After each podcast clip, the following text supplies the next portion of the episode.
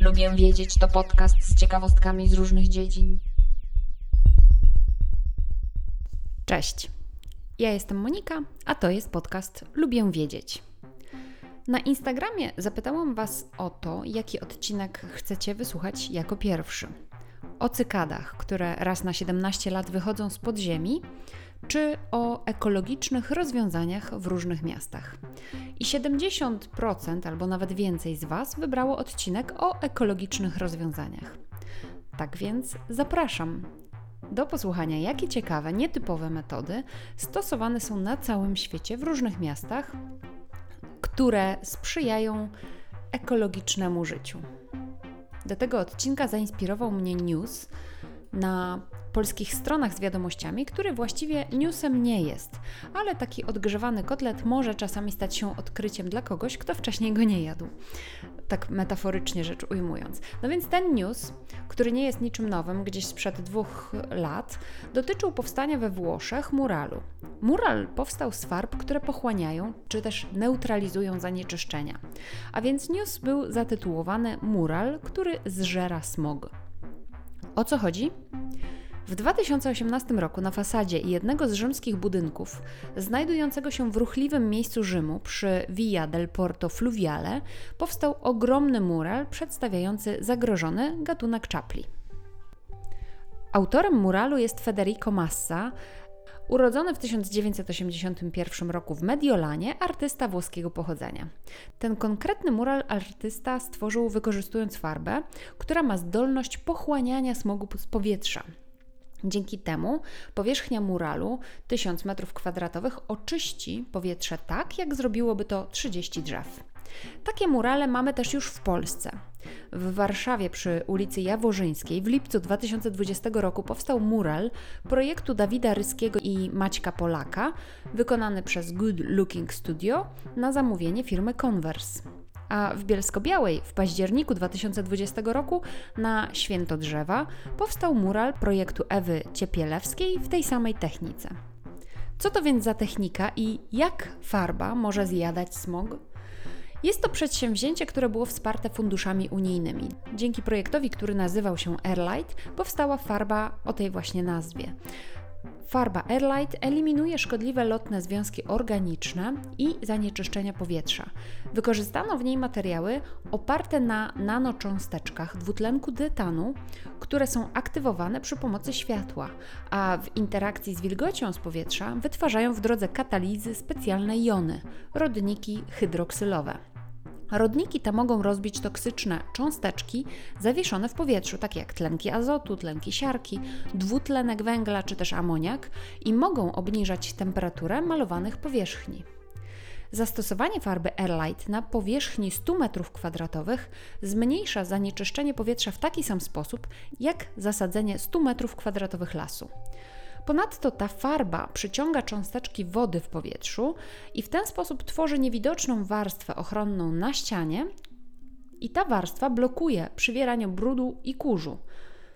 Wobec tego pomalowane budynki tą farbą nie brudzą się tak szybko jak pomalowane farbą tradycyjną budynki. Poza tym farba Airlight stosowana może być w taki sam dokładnie sposób jak zwykłe farby, to znaczy malowana może być natryskowo, czy też nie wiem, nawet pędzlem. I farbę Airlight stworzyła firma z siedzibą w Mediolanie.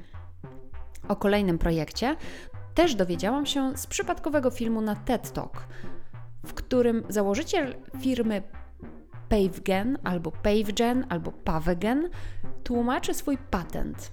Pomysł ten powstał już w 2009 roku. Film to krótkie wytłumaczenie, jak działa innowacyjna metoda, która przekształca kroki w energię.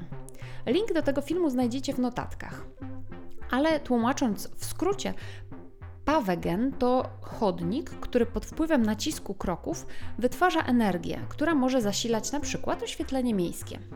Technologia Pavegen to wielofunkcyjny system paneli chodnikowych tworzonych na zamówienie. Płytki Pavegen są elektromagnetyczne. Kiedy przechodnie wchodzą na panele, nacisk powoduje pionowe przemieszczanie się generatorów indukcji elektromagnetycznej, a to powoduje ruch obrotowy, który generuje prąd.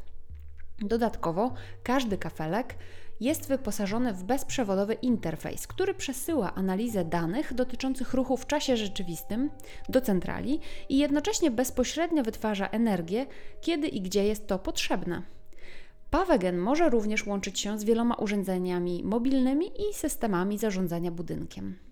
Technologia jest dość obiecująca, chociaż ilość energii powstająca w tej technologii jest niewielka, bo też do tej pory powstało niewiele takich chodników. Barierą jest głównie cena. To około 600 funtów za metr kwadratowy.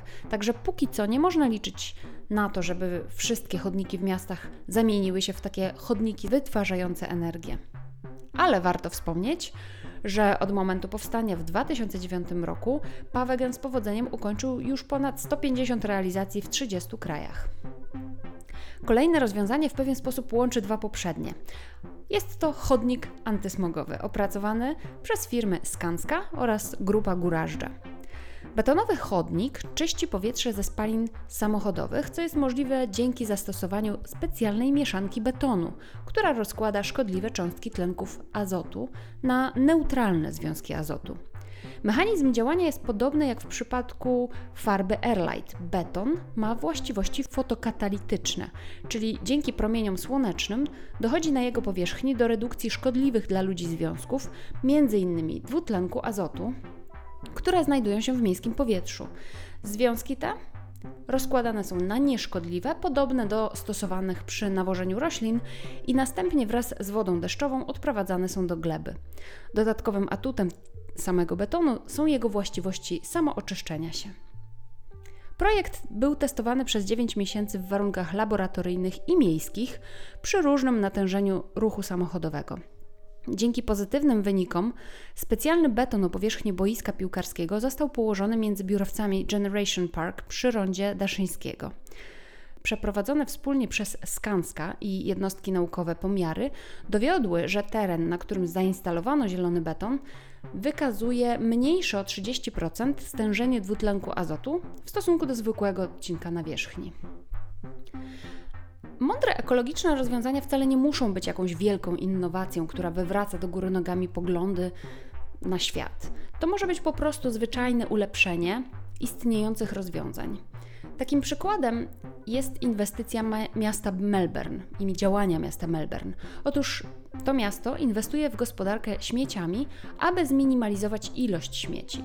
Zainstalowano na przykład takie kosze na śmieci zasilane energią słoneczną, które kiedy się zapełnią, wysyłają sygnał do służb opróżniających kosze. Samo to działanie pomogło zmniejszyć ilość wyjazdów ciężarówek do opróżniania koszy na śmieci z 90 tysięcy na miesiąc do zaledwie 12 tysięcy na miesiąc. To jest ogromna różnica. Powstały też kosze zasilane panelami słonecznymi, które mają w środku mechanizm zgniatający. I ten mechanizm pozwala skompresować śmieci, aby kosze zapełniały się wolniej. No i to pokazuje, że nawet takie nieduże działania, chociaż rzeczywiście wymagające inwestycji i pomyślenia i, i włożenia jakichś pieniędzy w taki pomysł, ale pokazuje to, że naprawdę to nie muszą być jakieś innowacyjne, strasznie nietypowe rzeczy. Że warto po prostu myśleć o tym, jak działamy jak wyrzucamy śmieci i jak można to poprawić. Dziękuję za wysłuchanie kolejnego odcinka podcastu Lubię Wiedzieć. Zachęcam do subskrypcji, do zaglądania do notatek każdego odcinka, bo tam zawsze zamieszczamy linki do źródeł informacji, a także zapraszam na moje konto Instagramowe, gdzie zamieszczam różne inne ciekawostki, a także pytam Was o zdanie, jaki odcinek chcielibyście zobaczyć następny, usłyszeć następny. Jeśli chcecie posłuchać o książkach, które czytam, to zapraszam na mój drugi podcast Fiszkowa Kartoteka. Do usłyszenia. Cześć.